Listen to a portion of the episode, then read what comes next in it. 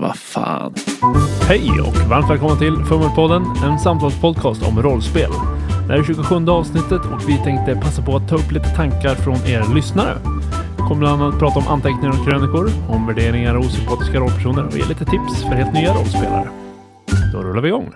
Jag heter Lukas. Jag heter David. Och jag heter Edvard. Jag heter David. Jag heter Edvard. Jag heter David. Jag heter Lukas. Ja, förlåt, jag bara tyckte att min röst blev konstig där första gången.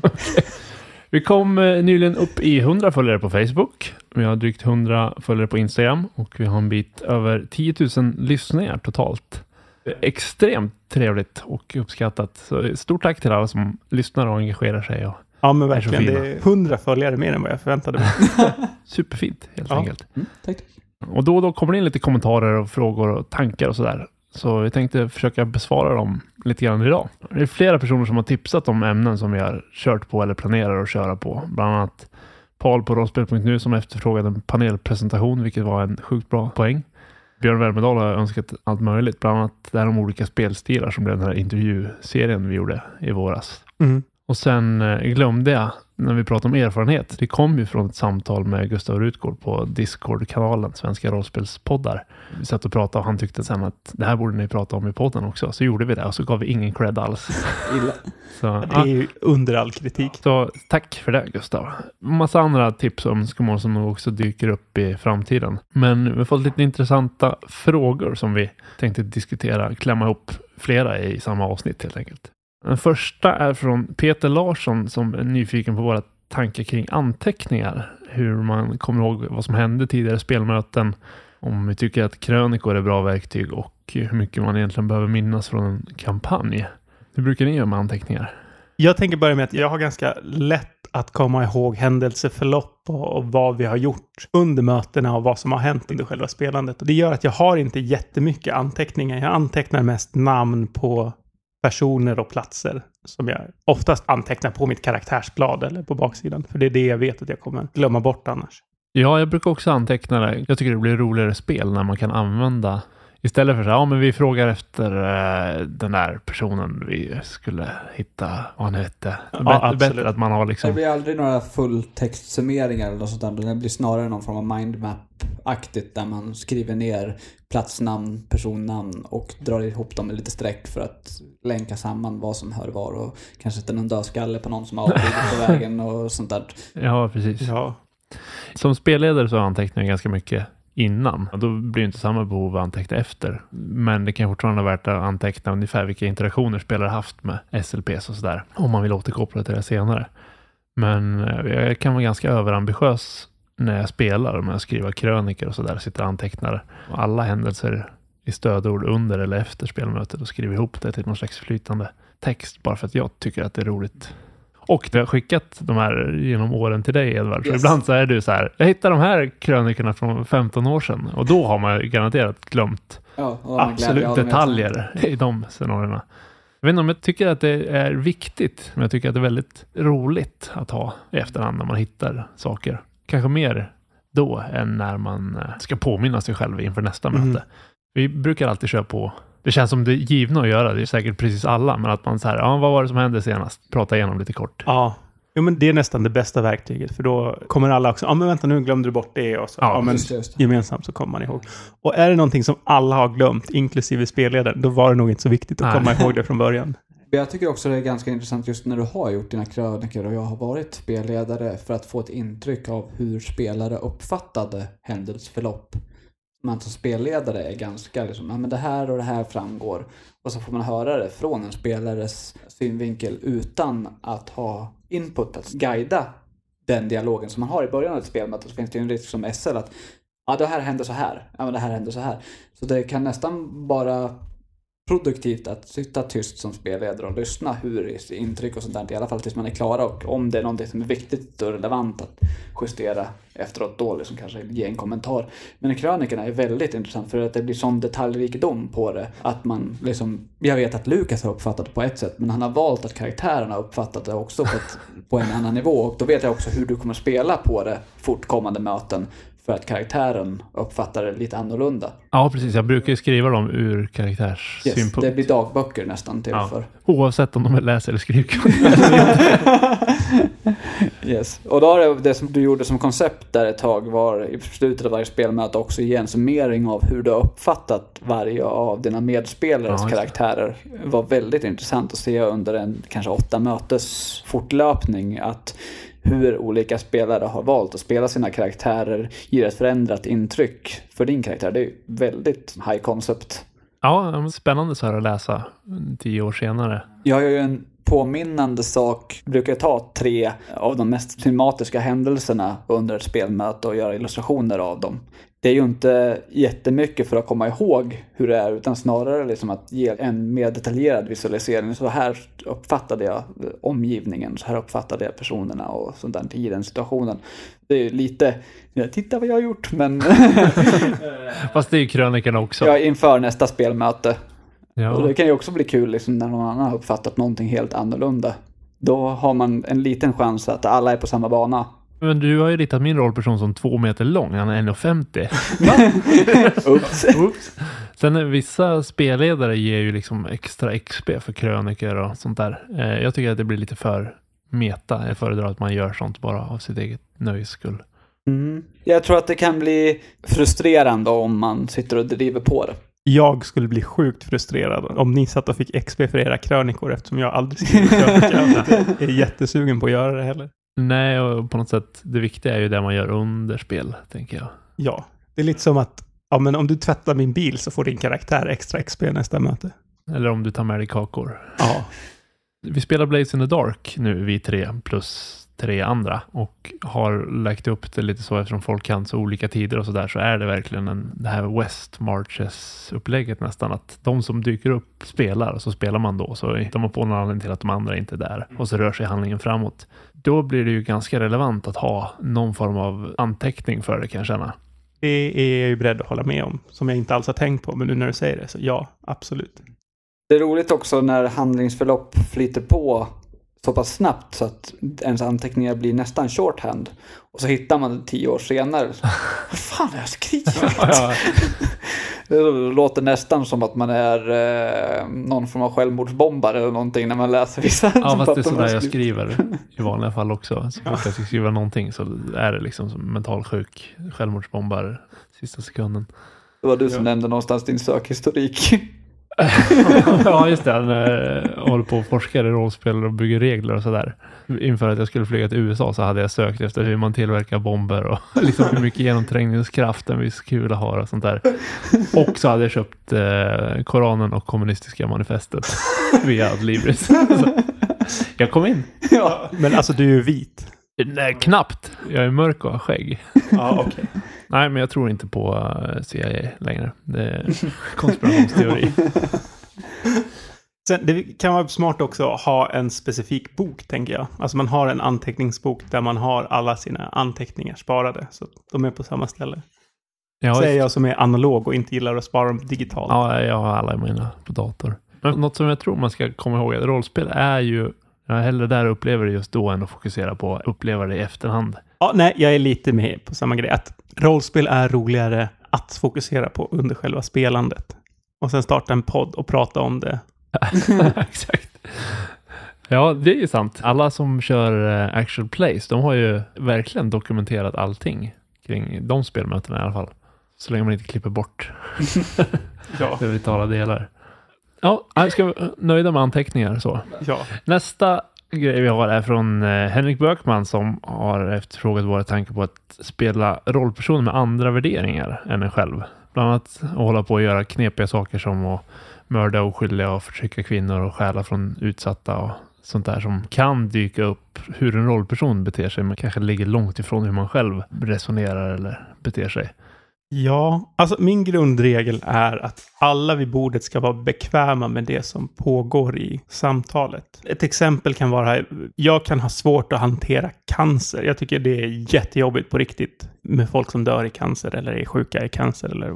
Det är långsökt, men jag skulle tycka det var jobbigt att spela då om någon av de viktiga plotterna handlade hur någon var på väg att dö i cancer. Och det skulle jag då ta upp och säga, kan vi göra någonting annat? Kan vi välja någon annan sjukdom? Kan vi välja någon annan problematik runt det? Och det är lite samma sak med handlingar. Jag har inget problem med att man spelar ond eller en avskyvärd karaktär. Men det ska fortfarande vara så att alla vid bordet är bekväma med just det sättet som man är en avskyvärd person. Ja, alltså det är ju rimligt att man har vissa spärrar, för man kan ju aldrig koppla bort sig själv helt från sin rollperson. Och det blir någon slags Nürnberg-försvar med, ja men det är vad min rollperson skulle ha gjort, det har ingenting med mig att göra. Men det har det ju fortfarande. Och man ser han, han heter Gleason någonting, som spelar, Jack, Jack Gleason, Gleason, som spelade Joffrey i Game of Thrones svårt att se honom och inte känna någon form av hat. Han hade ju tur att han inte ville bli skådespelare å andra sidan. Ja, men frågan är hur mycket det har att göra med att han ja, alltså, fick han, den rollen. Ja, och det är ju massor som har varit helt så här avskyvärda mot honom för att de inte kan skilja på karaktären och skådespelaren. Och han är ju ändå en skådespelare som har tagit en roll. Sitter man och spelar som hobby så tycker jag det är mer problematiskt att bete sig problematiskt. Ja, där är det också det saker som är lagmässigt förkastliga, liksom att begå mord, att begå våldtäkt och sånt där, det är så pass distanserat från hur man enligt lagen agerar. Liksom en vanlig person gör inga av de handlingarna för att liksom det är så pass förkastligt. Så att det är lättare att spela på det än obekväma situationer där folk kan döma dig men det finns fortfarande personer i din omgivning som är chauvinistiska eller rasistiska eller liknande. Ja, jag är beredd att hålla med i grunden, men jag skulle nog dra gränsen någonstans mellan mord och våldtäkt. Jag skulle aldrig spela en våldtäkt om jag trodde att det var rimligt att min karaktär begick en våldtäkt. För det är ingenting som jag vill spela. Nej. Men mord är så vad ska man säga? Det är så normaliserat ändå. Ja, jag sätt. tror att det är det. Alltså så här, vi ser hur mycket filmer som helst om mord och våld. Mm. Och det är på något sätt godtaget att man mördar folk som förtjänar och som inte påverkas av det eller vad det nu är i fiktionen. Men våldtäkt, det är nog mer tortyrkoppling fast en annan vinkel av det. Jag skulle inte vilja spela ut en tortyr i detalj heller. Nej, verkligen inte. Men för att återkoppla liksom mer till grundfrågan jag tror inte att jag ser det som ett problem överhuvudtaget. Att man som spelare har spärrar som en rollperson inte har. Nej, jag håller med. Det, I sådana fall så är det bättre att lyssna på de spärrarna. Om du som så sitter och spelar en ond karaktär känner att, ja men vänta, jag vill inte göra det här, men min rollperson skulle nog göra det ja men du är ändå viktigare än din rollperson. Ja. Lyssna mm. på din egen spärr. Det är det hälsosammaste och roligaste och bästa. Mm. Så brasklapp, det kan ju bero på situation. Man kanske spelar något djupt indiespel som handlar om att utforska något lite knepigare tema som ligger utanför en som person för att lära sig själv om någonting om en själv som person. Blir man obekväm av det så är det ju inte kanske rätt spel att spela då heller. Det kan vara eller bra att vara obekväm. Eller så är lektionen att hur obekväm man blir. Då. Det finns ett spel som heter heter det Lady Bluebeard eller Wife of Bluebeard eller någonting som är skrivet av ett gäng kvinnor som handlar om du spelar olika aspekter av psyket hos en kvinna som är gift med den här Bluebeard som har gjort massa hemska saker med sina tidigare fruar. Och spelet är liksom successivt att du får reda på mer och mer vad som har hänt med de andra. Och sen finns det så här meta-triggers att när någon spelare runt bordet, när man ser genuint obehag i deras ansiktsuttryck, då triggar det en spelmekanisk grej. Och jag tror att det kan vara intressant liksom att utforska den här maktlösheten som kvinna i, i ett otäckt förhållande. Om man är mogen för det, om man är intresserad av det. Och det handlar ju om identifiering. Det här att liksom spela ut sadism handlar ju om ofräscht beteende, eller vad ska jag säga. Jag tänker att det finns en viss skillnad. Ja, jo men det låter ju som att där finns det ändå en viss... Det är ett pedagogiskt verktyg. Ja, och där handlar det om empati och liksom ja. förstå hur hemskt det kan vara. Medan som man går omkring och rollspelar att man tycker att det är kul och spännande att man går runt och våldtar folk. Ja, nej det... Det blir snabbt ofräscht i min värld. Eller det blir genast ofräscht. Men jag tror att ni har en väldigt viktig poäng. Om man själv inte känner sig bekväm i att porträttera ett drag som ens rollperson eventuellt har, då kan det ju aldrig gå före att man ska vara ärlig mot sin rollperson i ett spel som går ut på att vara roligt. Och jätteviktigt att man själv säger till att vänta, nu går vi över gränsen, jag blir obekväm här. Och att man även lyssnar på sina medspelare när de säger det. Ja, så behöver man inte göra en stor grej av det, utan då bara, ah, okej, okay, då lämnar vi det och så gör vi någonting annat. Eller vi fortsätter spela efter det här som har hänt eller när vi bryter och backar bandet. Och, men det behöver inte vara en lång diskussion om varför då, vad hände, utan bara acceptera det och gå vidare i spelandet. Ja, det är den berömda X-card-lösningen egentligen. Ja. Som sagt, första varningsklockan är ju, det här tycker inte jag är roligt eller intressant eller bekvämt att spela, jag ska nog sluta. Och sen givetvis såklart kika på omgivningen. Tycker omgivningen att det här är intressant eller bekvämt att spela? Tycker de inte det, då är det bättre att skippa oavsett vad rollpersonen rollpersonen som man har hittat på för att ha roligt tycker. Ja, så att kontentan av det hela är väl, det är okej okay att spela karaktärer som har en helt annan moralisk värdering än vad man själv har. Men lyssna på dina inre spärrar. Ja, absolut. Och andras. Ja, respektera dina medspelares känslor och spärrar. Och ifrågasätt dem inte. Säg till när dina egna spärrar dyker upp. Och det är inte okej okay att bara säga, ja ah, men det är inte jag, utan mm. det är min karaktär som gör det. Nej, precis. Bra. Och sen Kan som hänger på rollspel.nu och på den här Discord-servern Svenska rollspelspoddar. Han efterfrågade lite reflektioner kring att vara nybörjare och kanske lite misstag som vi har gjort och det har vi gjort många. Och kanske lite tips för de som är helt nya på rollspel. Kolla på actual plays är mitt första tips till nya. Mm. Särskilt om man är en helt ny grupp som är nyfiken. Hitta en bra actual play där de faktiskt spelar med reglerna. Det är många som kollar på critical role och det är en dålig inblick kanske. För där är det en massa röstskådespelare och de har inte så mycket med själva reglerna att göra. Men försök hitta någon som faktiskt spelar med reglerna och spelar ett intressant spel. Det finns ju många actual plays som jag har snubblat över som försöker lära sig system under spel. De kan ju vara väldigt intressanta för att liksom hänga med i resonemanget. Sen kan det vara väldigt intressant att titta på folk som är experter också för att se att det är så här det inom citationstecken tänkt att spelas eller det är så här det är när det flyter på. Det här är målbilden på ett eller annat sätt. Ja, bra tips med mm actual plays. Ett annat bra tips är att lyssna på vår podcast.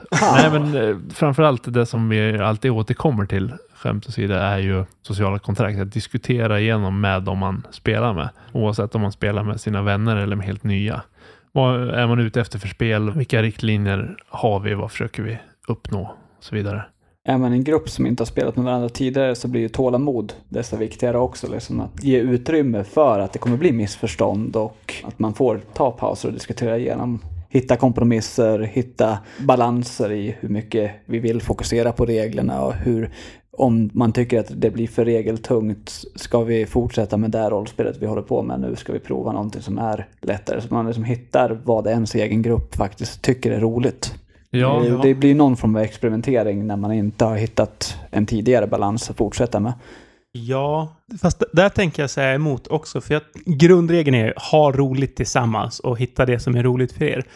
Men jag tycker ett enkelt misstag att göra i början, som jag tror alla vi har gjort, det är att man börjar ändra på reglerna och husregla för mycket i början innan man förstår hur systemen hänger ihop. Och då blir det snabbt ganska obalanserat. Och det kan förstöra upplevelsen lite grann. Och särskilt om man är nybörjare och inte riktigt... Mm. Så testa ett spel som ni tycker verkar intressant. Om det är Dungeons and Dragons eller Traveller eller ja, det ni vill spela. Och sen, även om reglerna verkar konstiga och ologiska, så följ dem till att börja med så att ni förstår hela sammanhanget. Spontant tänker jag att det är enklare med någon form av tradspel med lite enklare regler. Det är mer arketypiskt för rollspel. Ja, jag på många sätt. Så exempelvis Fria Ligans Mutantor 0, sån där hyfsat lätta regler tillgängligt. Man kan få en ganska tydlig bild av settingen och komma igång och spela. Fördelen där är att det å ena sidan inte blir massa avancerade regelstudier. Förstå hur det hänger ihop, särskilt om man spelar en grupp där alla är nya. Mm. Men indiespelen har ju kanske ännu färre regler ofta. Men där ställs det så pass mycket högre krav på någon slags dramatisk kreativitet och improvisation. För vissa kan det vara helt rätt ände att börja i. Och för andra så kan det vara liksom att kasta sig ut på väldigt djupt vatten.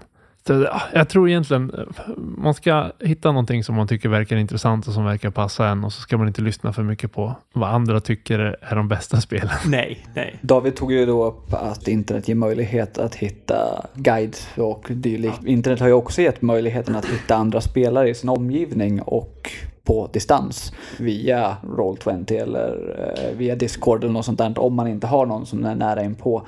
Så att det finns ju inte ett krav på att man måste starta något eget nytt heller. Har man aktiv rollspelsgrupp i sin omgivning så kan man ju som nybörjare söka upp folk som redan är igång och försöka ta sig in i en etablerad gruppering. Det är sant. Ja, det är faktiskt en jättebra grej. Alltså så här, just, jag vet inte hur det är på rollspel.nu om de har någon sån hitta grupp-funktion. Det har de. Det är ett förslag om man vill ha svenska. Roll20 är bra om man kan spela på engelska. Den här bräd och rollspelsforum på Facebook är väldigt bra också. Ja. Mm. Jag tänkte vända på myntet också hur man tar emot en nybörjare i sin spelande grupp. hur man uppmanar någon och liksom känner av vilket sätt ska vi ta in nya personer. Okej, ja, det är jag fruktansvärt dålig på. Jag avskyr nya personer. Nej, Alltså, så här, vi är dåliga på att vara nybörjare. Eller jag är i alla fall, för jag har inte varit på jättelänge. Det beror på hur man ser det. Jag har nog varit nybörjare i 10-15 år. Ja, det är inte så att jag är expert eller perfekt eller kan allt. Men välkomna nya, ja. Ge dem en chans. Det är ingen som kan lära sig alla regler oavsett vilket spel man spelar det första mötet. Utan det handlar mer om att ge dem en möjlighet att liksom prova på vad innebär det att spela rollspel? Vad är det här samtalet runt rollspelet? Hur fungerar det med tärningarna? När slår man tärningen? Jag tror att som med allt sånt här, det är en svår balans. Å ena sidan eh, ge tips och liksom vägleda någon som är ny. Å andra sidan ifrågasätta någon som är ny precis varenda steg och kritisera någon. För att det är ändå värdefullt tror jag om man tar in någon ny att man markerar tydligt. Nej men det där funkar inte riktigt i det här sammanhanget eller så där spelar inte vi. Nej, just det. Istället för att man bara, "Ja, ja men det blir bra någon gång. Absolut. Men också då när de faktiskt provar någonting, att man är uppmuntrande. Precis. Mm. Att så här, ja ah, okej, du vill slåss mot den här. Ja ah, okej, men då tittar vi på din karaktär. Ja men titta, du kan ju slåss bra med svärd, så använd svärdet och då funkar det. Alltså, så Ge lite produktiv kritik. Men Ja. vi spelade med någon som var hyfsat tydligt som började liksom komma med så här mutor till spelledaren så här, för att de skulle få bättre chanser eller överleva längre. Och det är ju en idé som man kan komma in med eftersom den är ganska genomstyrande Ja, på, på det- många det- sätt det- upplever jag absolut. det som i alla fall. Och där känner jag att det är viktigt att markera att vi spelar inte alls så. Nej, det är ju ja. liksom helt fel ute. Tack! Ja, ja. fin gest, men nej liksom. Nej, ja, nej. Och samma sak kan det vara annat. Ja, man kanske går in med tanken att nu ska jag gå in superdjupt i min rollperson. Så gör man massa saker som inte representerar en själv alls. Som går över de här gränserna vi diskuterade tidigare. Mm. Då är det också viktigt. att Stopp, stopp. Det där funkar inget bra. I just det här sammanhanget. Just med oss. Visst, tålamod är bra och så här öppenhet och välkomnande är bra. Men samtidigt, Styrande hand. ja, styrande hand eller jag menar, det beror ju på vilket syfte man gör. Har man en förening där man ska locka in folk, då blir ju kraven på öppenhet och liksom välkomnande större. Har man en tajt grupp där man ska se om man ska ha någon mer som spelar, då tycker jag man kan ställa krav på Självklart. ett annat sätt. Jag har försökt börja spela, det är inte rollspel, men det är gemensamt historieberättande med sonen nu. Och det är helt absurda historier man kan komma upp med. Sen är det liksom frågan om man någon gång ska börja föra in regler och sånt där för det, men det är ju liksom Ja, det är ju en nybörjarmålgrupp som har helt andra förutsättningar än den nybörjargruppen jag tänkte mig i huvudet. Men, Mm. men det är väl samma saker som gäller där. Alltså, du får ju liksom vara tydlig med vad som gäller och förståelse för att alla är olika.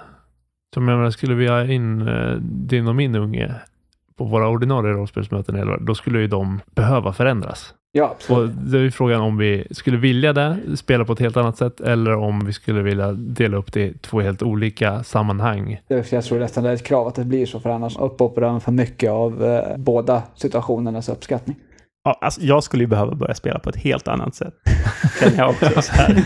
Ja, jo men eh, nu ska vi inte jämföra alla nya rollspelare med tre fyraåringar. Nej, Men det blir ju på något sätt samma sak där. Man kan ju inte förvänta sig hur mycket som helst. Men samtidigt kan man ju inte uppoffra hur mycket som helst. Så det blir en balans vad man själv känner är absolut. rimligt. Men eh, jag tror framförallt, oavsett om man är ny eller erfaren i ett nytt sammanhang eller vad det nu är. Det är alltid det här med tydliga sociala kontrakt, diskutera saker och ting, lära er genom att utbyta tankar så blir det bättre eller så konstaterar man att det här kommer aldrig gå. Ja, och var uppmuntrande, men uppmuntra inte dåligt beteende. Utan stoppa dåligt beteende. Ja, det är rimligt. Och Mm. diskutera. Ja, Och eh, diskutera.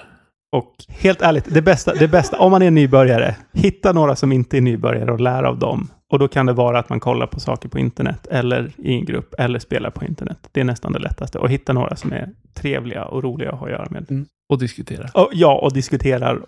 Vad vill jag också säga, diskutera.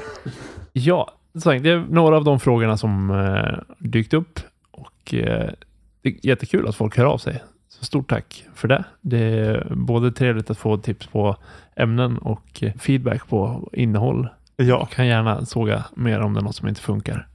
Får vi se om vi ändrar på det. Och eh, ni som bara lyssnar är också bra. De är inte riktigt lika bra. ni är lika bra. Det är jättekul med alla lyssnare och all Och feedback. har du några funderingar, tankar eller tips så hör av dig. Det finns Facebook-inlägg Man kan skicka meddelanden på Facebook. Man kan skicka mejl till info.fummelpodden.se. Man kan gå in på Discord-kanalen Svenska rollspelspoddar. Man kan gå med i Facebookgrupper som bräd och rollspelsforum. Det finns även en som heter Spelnörd som är trevlig. Eller så kan man registrera ett konto på rollspel.nu. Kommentera där. Och alla de sakerna tycker jag är bra saker att göra oavsett om man vill prata med oss eller inte. Utan det är mer Ja, det är just om man pratar nybörjarbitarna Ja. också. Liksom det, Alltså om ni mejlar till info.fummelpodden.se Ja. Det är då är det svårt att prata med några andra än oss. Vi kan vidarebefordra det till några som vet bättre. Yes. Då eh, nöjda med lyssnaravsnitt helt enkelt. Jajamensan. Då rundar vi av. tackar, tackar. Tack för idag. Ha det bra. Du har lyssnat på Fummelpodden som presenteras i samarbete med Studiefrämjandet. Du får gärna gilla vår Facebook-sida eller kanske följa oss på Instagram. Länkar finns i avsnittsbeskrivningen. Har du feedback eller tips på ämnen, hör av dig via sociala medier eller skicka ett mejl till info.fummelpodden.se.